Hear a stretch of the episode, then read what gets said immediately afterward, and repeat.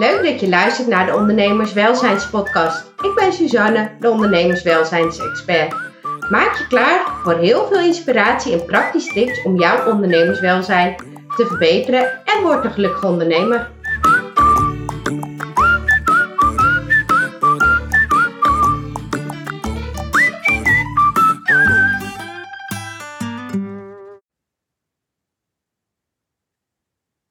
Hoi, nou superleuk dat je erbij bent. Stel jezelf even voor voor degene die, je nog niet, uh, die jou nog niet kennen. Uh, nou, ik ben uh, Floor Schoenmakers en ehm, al uh, meer dan twintig jaar hele trotse eigenaar van EAS Communications. En dat is eigenlijk een marketingbureau in de hypische wereld. Dus ik werk voornamelijk met en voor paardenmensen. En dat is heel leuk. Ja, want ik zat bij jou bij de Go Social Club, bij Bartels. En toen mocht iedereen een speech doen. Een pitch doen. En iedereen had het maar over paardenwelzijn, paardenwelzijn, paardenwelzijn. En toen opeens schreef ik heel groot op papiertje ondernemerswelzijn. Ik dacht, daar ga ik het over hebben. Ondernemerswelzijn? Oh, ja, dat is cool. iedereen is maar bezig met die paarden, maar die ondernemers worden maar vergeten. En ze accepteren ook nog alles. Want ja, je moet toch, uh, de paard is belangrijker dan de eigenaar van het paard. En ik ben heel benieuwd of jij dat ook merkt. Of het paard belangrijk... Nou ja, wat, wat ik merk vaak bij paardenmensen is... Ehm, ja, inderdaad, wat je zegt, dat het draait allemaal om de paarden. En, uh, maar ja, als dat je bij een bedrijf komt en mensen zijn met paarden bezig, als je over een manegebedrijf hebt of een paardenbedrijf, dan, kan, dan is het best wel herkenbaar dat je misschien ergens aankomt en dan staat iemand de stal te vegen en die zeggen je welke dag. Maar dan moet eerst die stal even af en dan lopen ze met je mee. Weet je wel, terwijl je eigenlijk zou moeten denken van hé, hey, dat is misschien wel een potentiële klant en uh, die ga ik even rondleiden of een kopje koffie aanbieden. Dat stukje is denk ik ook wat je bedoelt, hè? van dat uh, de paardenmensen vaak zo gefocust zijn op de dieren en op, op ja, wat daar allemaal mee gebeurt, dan misschien direct op hun bedrijf. Dus bedoel je iets anders? Nou, dat ook, maar vooral, nou ja, eigenlijk is dit het ook. Ze vergeten zichzelf. En eigenlijk zijn ze, is er heel veel armoede en wordt het ook nog heel goed verbloemd. Ja, dat alles uh, naar de paarden gaat. Ja, en dan lijkt het heel mooi, want ze wonen op een mooi spul en uh, ze hebben mooie kleren aan. Maar voor de rest is er ook helemaal niks. Maar dat zien de meeste mensen niet en dat willen ze ook niet laten zien, wat ik ook begrijp. Maar toen ik die boekhouding ging doen van de meeste ondernemers, was er gewoon heel veel ellende. Ja. En nu schijnt dat wel bij alle takken van sport te zijn, maar bij de hippische sport nog even erger, omdat die paardenpassie belangrijker is. En pas zei iemand ook zo mooi. Ik ben zo blij dat ik gewoon betaald krijg, dat ik heel dag paarden mag rijden, dat ik daarvoor betaald krijg. Want anders zou het me heel veel geld kosten, zou ik dit nooit kunnen doen. Ja, En dat is eigenlijk geen ondernemersmindset. Dat is echt een mindset vanuit passie. En niet zozeer qua ondernemen. Ja, maar ik denk dat dat het hele ding sowieso is. Als je met paarden werkt, werk je vanuit je passie. Want dat, dat, je werkt met dieren, en je werkt met een gevoel. En je werkt met, ja, bedoel, dat weten alle paardenmensen wel.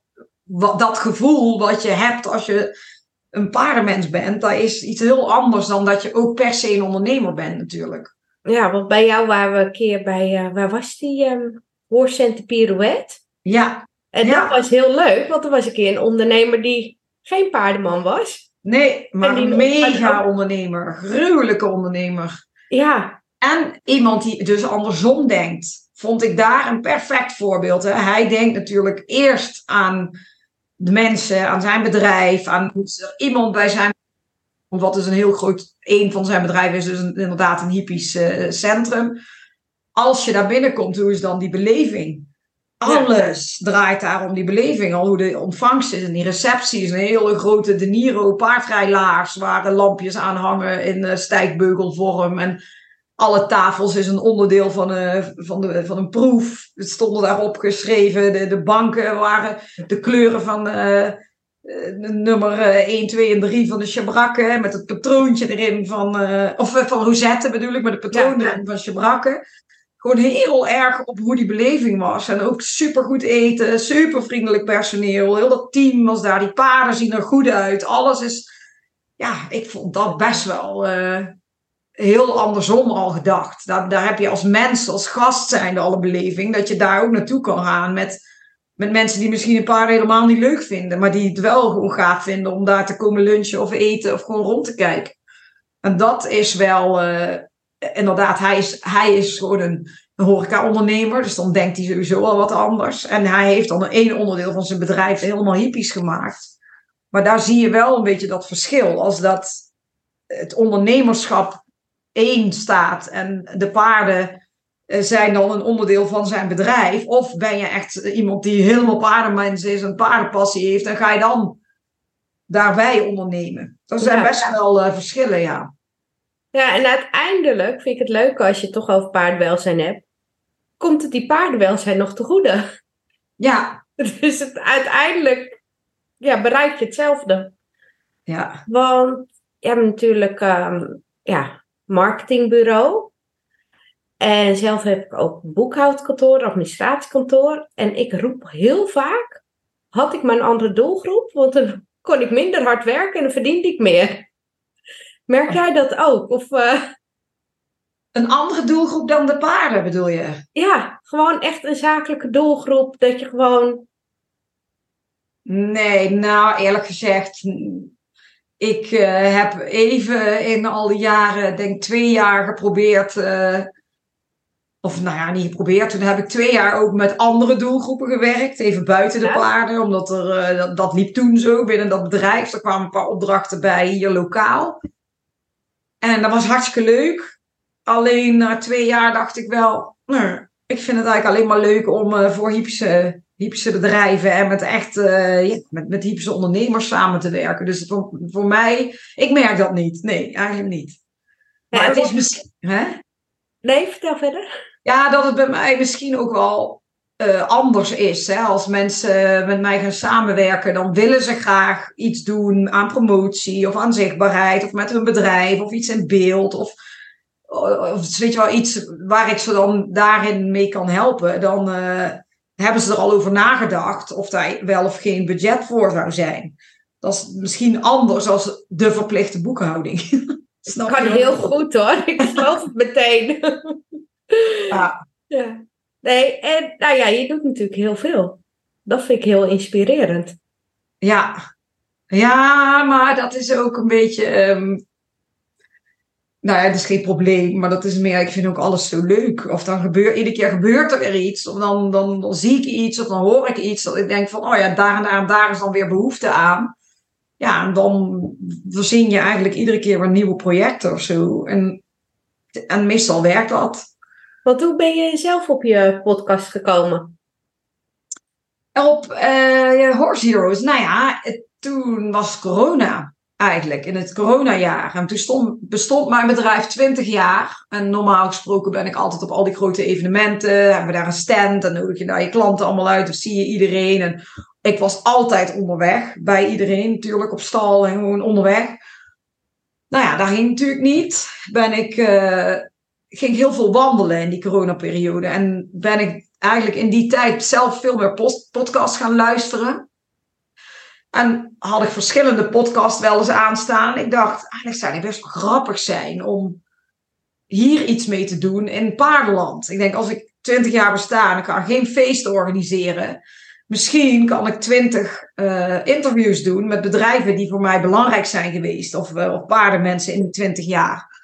Dat was eigenlijk het idee. Ik denk, ik maak twintig opnames en dan heb ik een smoesje om uh, weer even van de dam af te gaan. Dat ik iedereen uh, naartoe kan gaan. Als ik kan zeggen, het is een interview en je zit op afstand en het is één persoon.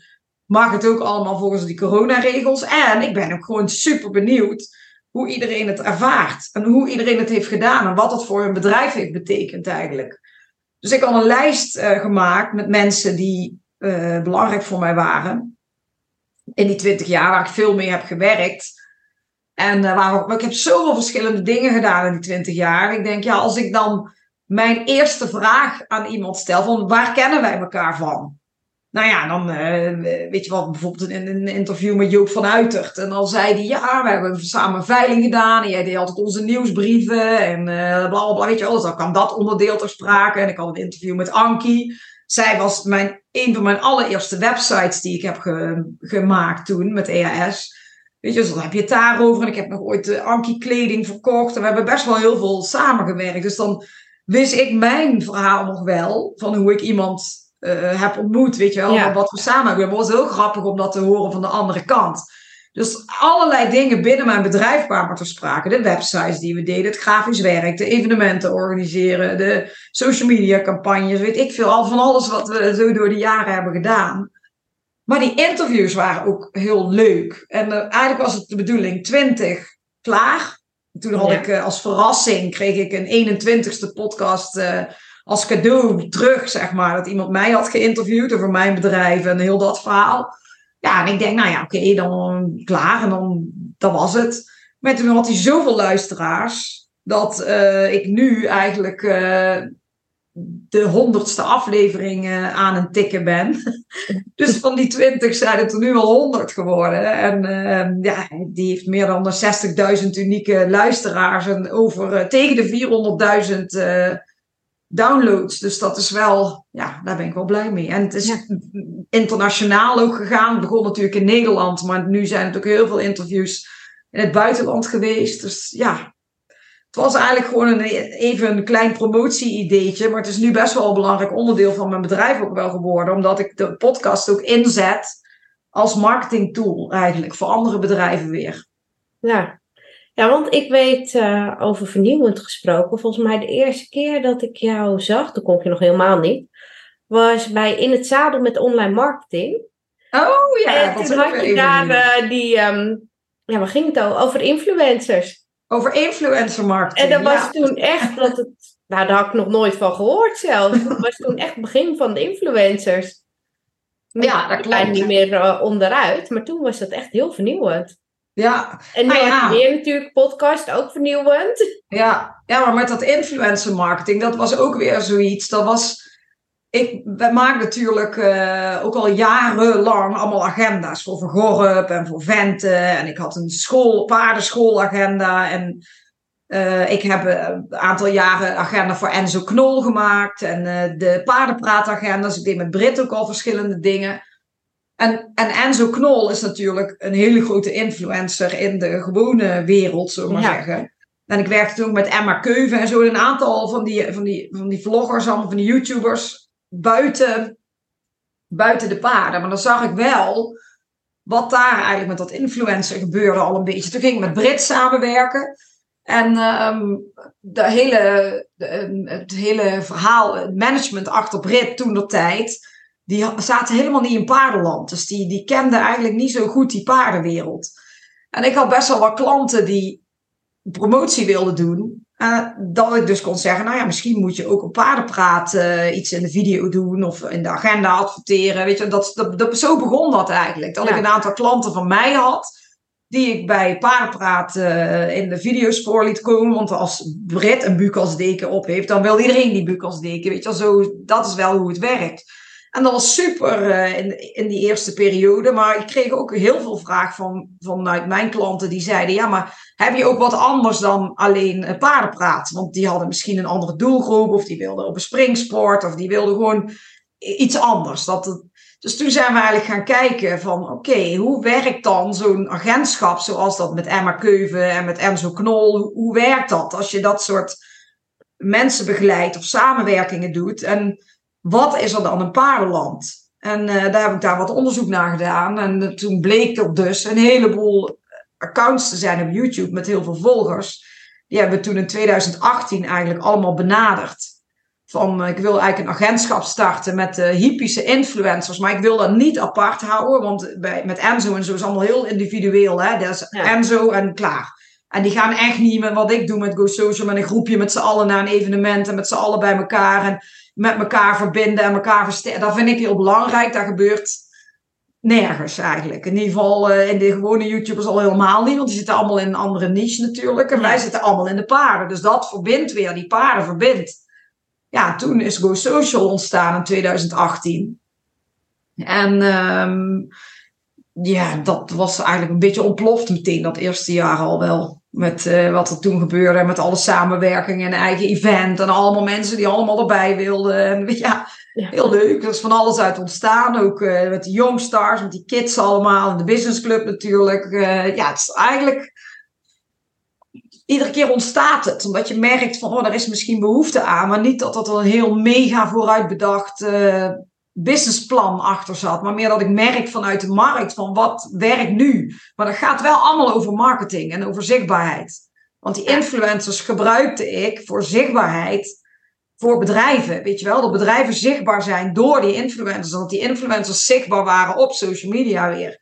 En de, de podcast nu geeft ook weer zichtbaarheid aan bedrijven. Als ik een interview met iemand doe, en die vertelt over zijn bedrijf. En je hoort die passie, je hoort die emotie, je hoort ze praten over die paarden. En vaak wordt er bij gehuild. En ja, daar kunnen mensen zich helemaal niet voorstellen wat voor passie erachter zit. Die paarden is alleen maar passie en emotie en met gevoel. En ja, dat is, dat is compleet heerlijk werken voor mij om uh, met paardenmensen te zijn. Ja, nee, ik herken het. Ik vind ze ook heel leuk.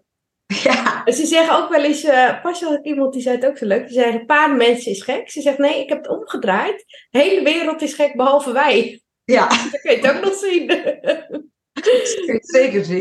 Ja, alleen wij begrijpen elkaar. Ja, ja maar, is ook. Al, het is wel heel fijn, want dat merk ik ook met de business club. Je hebt altijd een raakvlak om over te praten. Of al is het maar discussiëren, maar je hebt gewoon iets wat je met iemand gemeen hebt waar je gewoon uren over kan praten.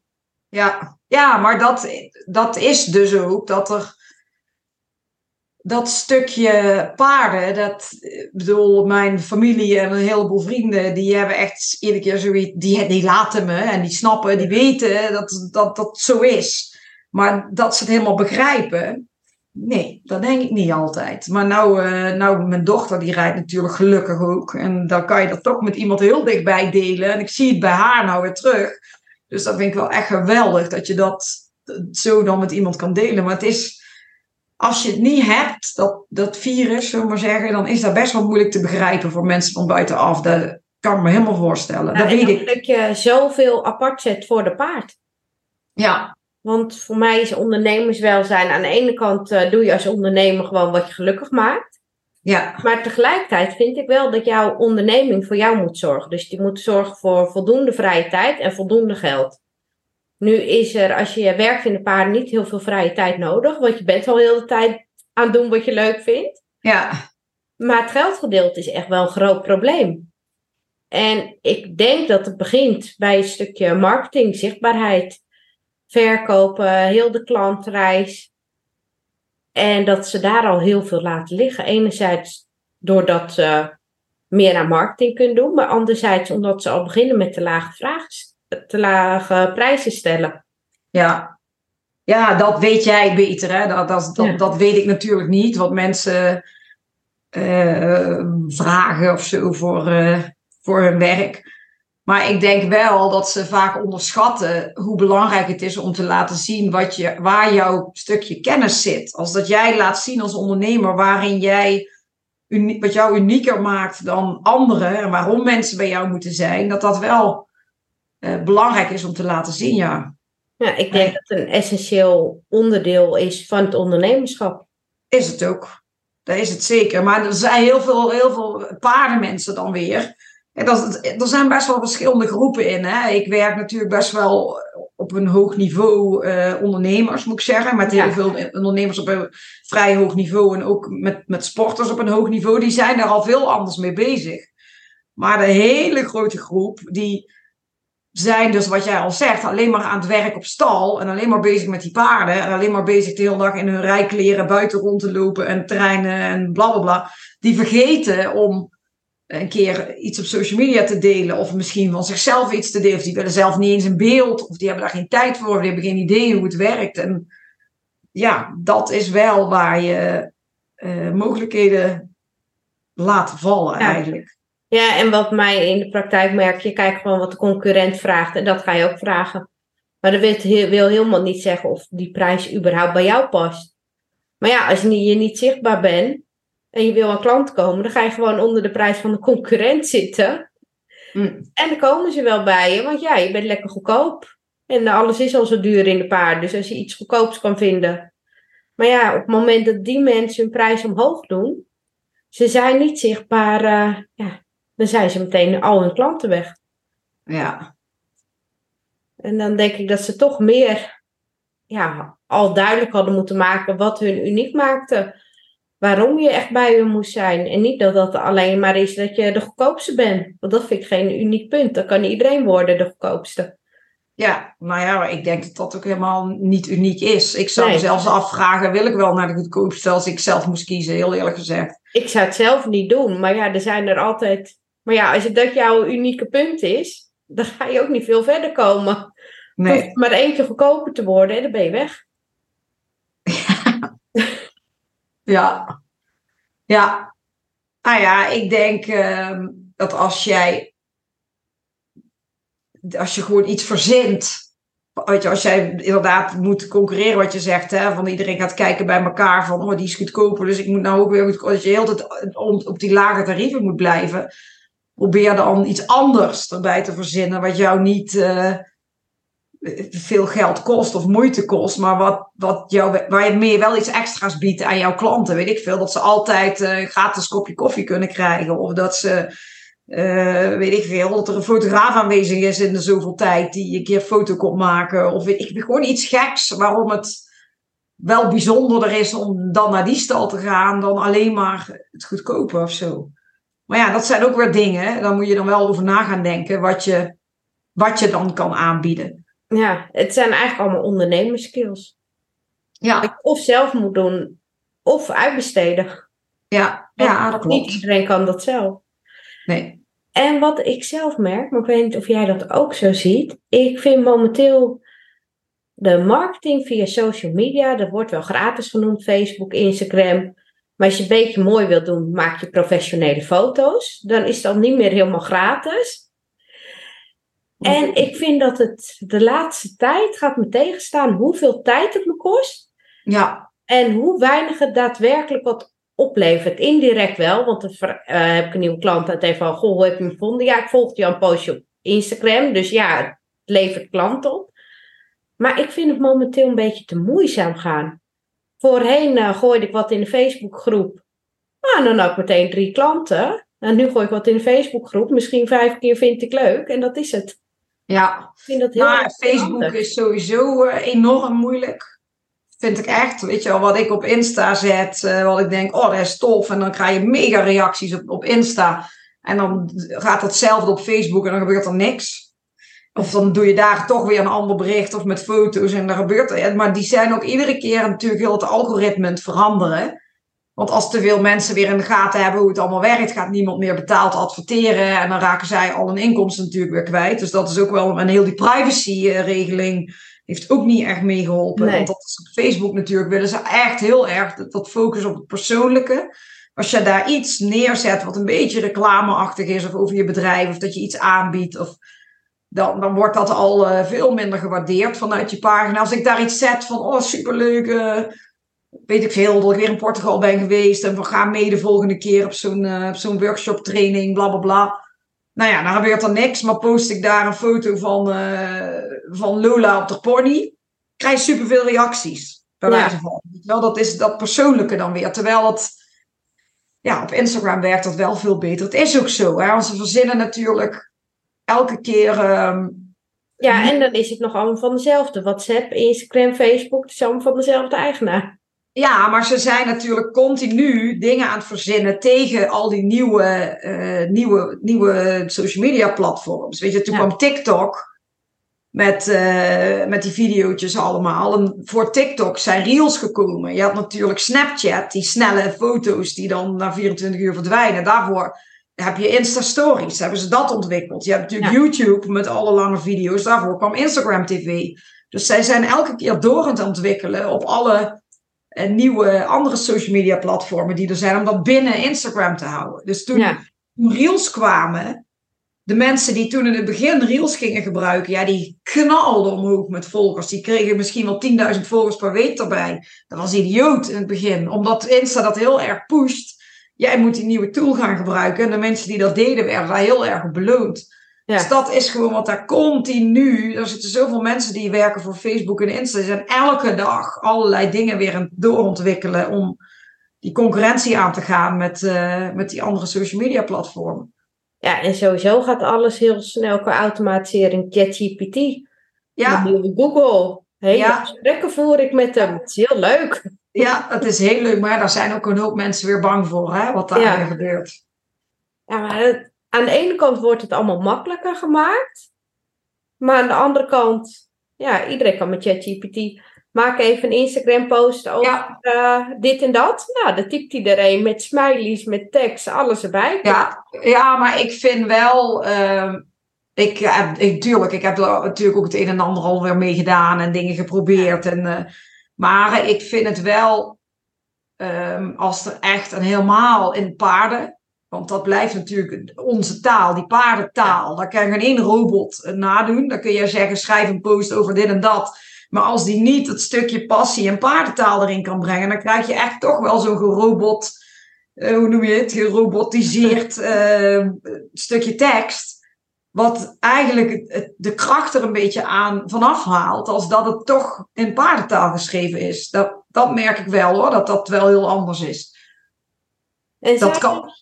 Nog Hè? dingen waarvan je zegt, nou, dat moet je echt in de gaten gaan houden in marketingland.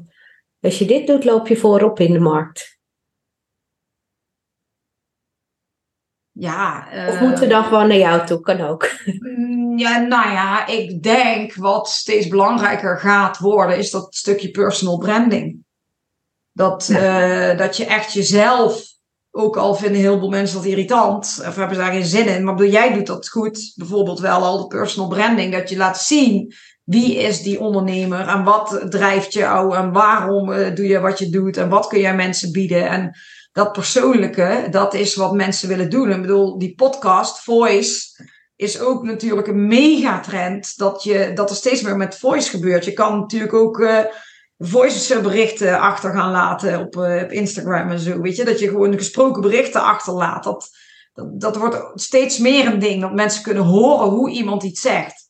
Want als jij nou, als wij een interview hebben en jij schrijft op wat ik zeg, dat lees je heel anders dan dat als je het iemand hoort vertellen. Dus met WhatsApp natuurlijk ook. Je kan Ja. iemand een berichtje sturen wat je grappig bedoelt, maar wat iemand kan lezen als- alsof je hem eh, weet ik veel wat uitmaakt. Terwijl je dat helemaal niet zo bedoelde. Je bedoelde het, maar ze horen jouw stem er niet bij. Nou, en soms vind ik Instagram spraakberichten irritant. Want dan zit ik in de volle auto. En dan denk ik, kan ik dit bericht wel of niet afspelen? Ja, ja maar ja, de, over straat. Ik denk, nou, ik weet niet of ik hem kan afspelen. Ik ben heel nieuwsgierig. En dan zit ik zo te irriteren. Ga ik hem wel niet doen?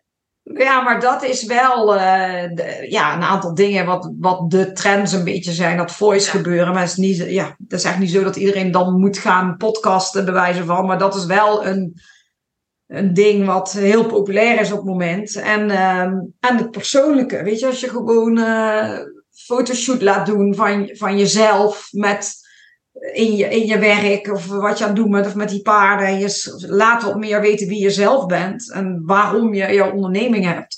Als je dat op social media gebruikt, dat, ehm, dat wordt toch wel goed. Blogs, schrijven van blogs over je kennis en zo, weet je, allemaal dat soort dingen. Ja, en ik denk vooral inderdaad persoonlijke. Want JetGPT kan heel veel kennis delen. Wil niet Ja. altijd ook dat die kennis klopt. Maar die kan nooit een persoonlijk verhaal vertellen. Nee. Nee, en dat willen mensen toch wel. Ik bedoel, ik, ik kan het weten, want ik heb het al honderd keer gedaan, letterlijk, met Horse Ja. Heroes. Dat waren allemaal persoonlijke verhalen, mega persoonlijke verhalen. Echt eh, hele levens van mensen en wat ze mee hebben gemaakt en eh, waarom ze doen wat ze doen. En over hun meest speciale paarden. En echt veel gehuild wordt er ook, omdat er dus zoveel emotie in zit in dit werk met die paarden ja, ik denk, ik heb vaak gehoord al dat mensen zeiden, nou, ik heb nou dat verhaal van die en die en die gehoord. Heb nooit geweten dat dat zo'n persoon was. Die kijken gewoon anders naar mensen, doordat ze hun persoonlijke verhaal vertellen. En ik Ja. denk dat je daar best wel voor open mag staan als ondernemer. Ja, en het is heel makkelijk te luisteren. Want bijna iedereen staat uren in die stallen te mesten. Ja. En die hebben geen tijd om in die tijd een boek te lezen, maar wel om een podcast te luisteren of een luisterboek of iets. Dus ja, maar niet, dat niet alleen die podcast. Ik bedoel, eh, een podcast is één keer dat je Ja. je verhaal vertelt. Maar als dat jij jouw website of jouw eh, social media... of überhaupt jezelf binnen je bedrijf... dat je wat persoonlijker bent met, je, met, met de klanten... En, eh, en wat je op social media deelt. Dat het niet alleen maar paardenplaatjes zijn. Weet je, natuurlijk draait om de paarden. En dat is ook je bedrijf. Maar je werkt met mensen. En dat zijn uiteindelijk wel degenen die de rekeningen moeten betalen. ja, Dus daar moet wel iets meer focus ook naar gaan. ja, en gewoon inderdaad, ja, het is een onderdeel van. Als je Ja, dat niet wil, had je eigenlijk geen ondernemer moeten worden. nee, nee maar dat, dat gaat wel al steeds beter. Ik moet ik zeggen dat ik het wel, eh, dat heel veel zie veranderen bij veel mensen. Maar er zijn er ook nog wel een heleboel die dat moeten leren, denk ik. Ja, en ook heel veel die ervan dromen, maar die gewoon ook niet weten door alles wat er mogelijk is, hoe moet ik beginnen? Ja, nou dan moet je mij bellen. Dan eh, vertel Ja. ik ze wel waar we gaan beginnen. Ja, en sowieso het hele andere aspect, wat eh, heel erg onder de loep ligt, het hele paardenwelzijn. Ja, Ook wel weer, eh, er zijn genoeg uitdagingen voor al die hippische ondernemers, naast het stukje zichtbaarheid, het stukje geld. Ook gewoon, hoe zorgen we dat überhaupt over de 20, 30 jaar mensen nog eh, steeds zo kunnen genieten van de paarden op de manier dat wij het nu doen. En daar bedoel ik met name mee dat we nog steeds paardrijden. Kijk, dat daar Ja, dingen mogen ja. veranderen of ooit verandert, logisch. Vroeger reden we al met hetzelfde zadel, nu zijn er verschillende zadels. Ja, je weet meer, er is meer kennis. Dus tuurlijk ga je dingen anders doen. Maar ik moet er toch niet aan denken dat we later nooit meer op een paard gaan zitten. Nee, daar moet ik zeker niet aan denken. Maar het is. ehm, ik zit eh, met een aantal heel leuke mensen in de werkgroep publieke opinie over dit hele verhaal. eh, met, vanuit sectoraat paarden en zo ook over het paardenwelzijn verhaal. Dat we eigenlijk eh, een landelijke campagne willen maken. Om ook te laten zien aan alle niet-paardenmensen waarom eh, onze passie zo mooi is. En wat het leven met paarden nou inhoudt. En, en, en wat dat eigenlijk is. Weet je, dat het niet zo is van, oh, dat paard moet dat doen voor ons. Maar dat, we, dat je eigenlijk elkaar een beetje nodig hebt. Ik bedoel, die paarden kunnen ze wel zeggen, je mag nooit meer op een paard gaan zitten. En eh, dat is allemaal zielig. En dit kan niet en dat kan niet. Nou, die paarden die hebben vaak een luxe leven hè, dan een heleboel mensen. Ja, En daar gaat het allemaal niet om, over, over dat luxe en geld en hoe, allemaal dat. Maar dat, dat ze wel begrijpen dat dit ja, veel en veel en veel en veel dieper zit dan eh, wat er nu wel eens in beeld wordt gebracht. Maar wat daarin ook wel super belangrijk is, en dat is eh, waar wij het ook wel eens vaker over hebben gehad, dat die paardenmensen zelf elkaar niet af gaan zitten vallen. Omdat de een iets vindt van een sporter of een sporter iets vindt van degene die eh, een Park Paradise heeft. Het zijn allemaal mensen die diezelfde passie hebben. En ik denk dat dat gevoel, wat iedereen heeft als je iets met paarden doet, dat dat wel als eerste eh, goed moet zijn. En niet dat, ja en dat daar wel eens wat... elkaar Ga Ja. lekker met elkaar in verbinding. En waarom doe jij dit? Waarom doe jij dat? En gewoon een open vraag stellen. Helemaal niet met de intentie dat die ander dat ook op jouw manier moet doen. Maar gewoon eens vragen, joh. Ik zie dit, ik lees dit. Hoe zit dit? Ja. ja, maar dat eh, zal de grootste uitdaging eh, nog ongeveer zijn. Om, eh, om dat helemaal gelijk te trekken, ja. denk ik. Ja, en dat blijft toch zo. Hoeveel verschillende mensen zijn er? Ja, Je bent zelf ook moeder. Nou, al die moedermafia. Dat Ja. is het ook al. Dus het is ook heel menselijk. ja, dat is waar. Oh ja, die moeder, daar gaan we niet over beginnen. Dat is Nee. een ander verhaal. Het is helemaal een ander verhaal. Maar het gebeurt overal. Ja, dat is ook waar.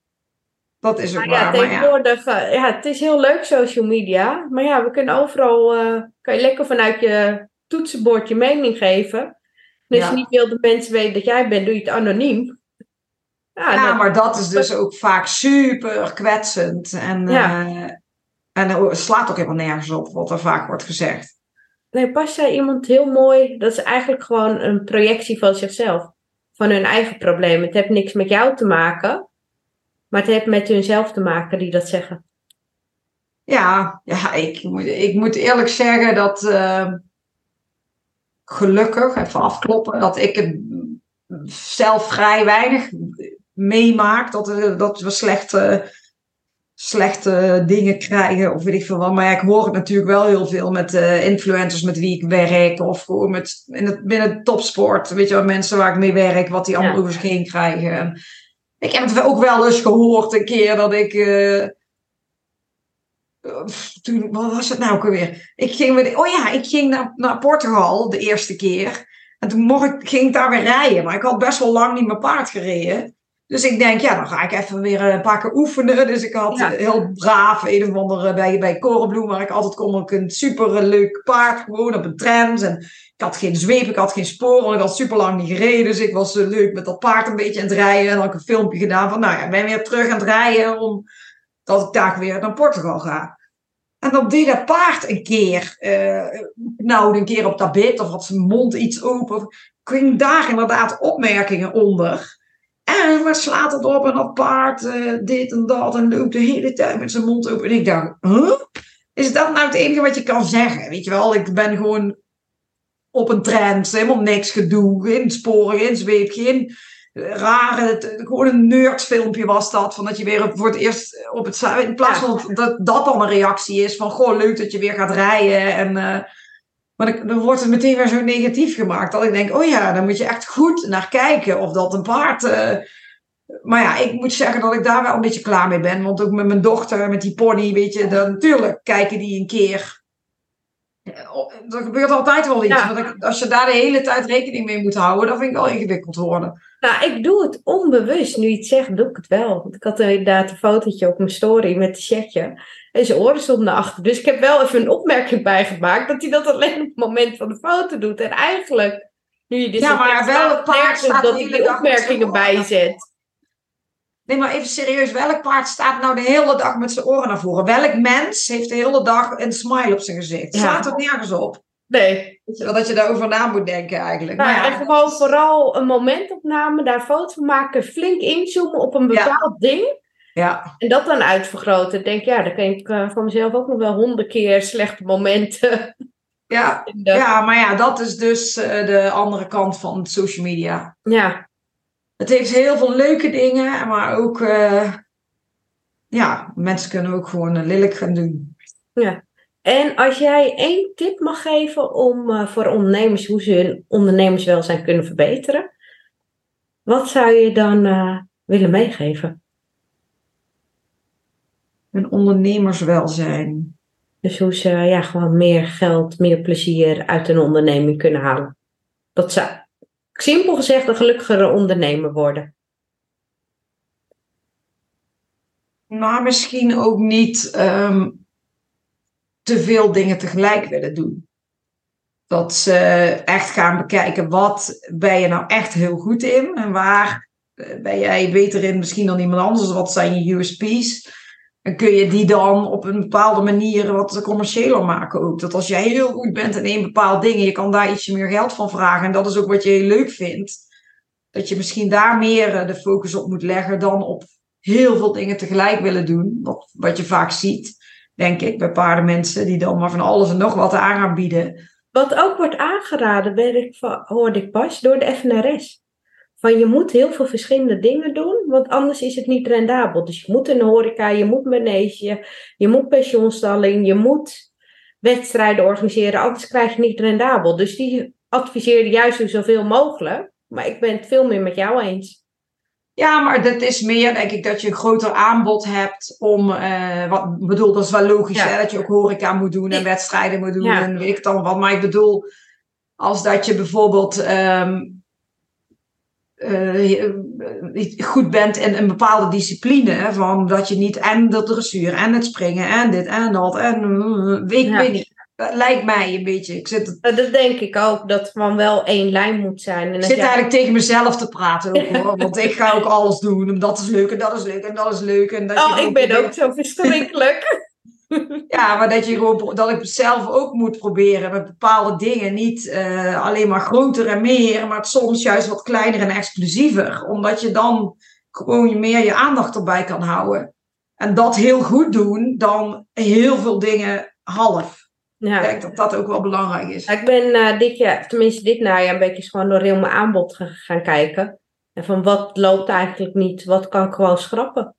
En gewoon in plaats van telkens maar iets nieuws te verzinnen, een nieuwe website, een nieuw social media kanaal, weet ik veel wat voor nieuwe dingen ik allemaal kan verzinnen.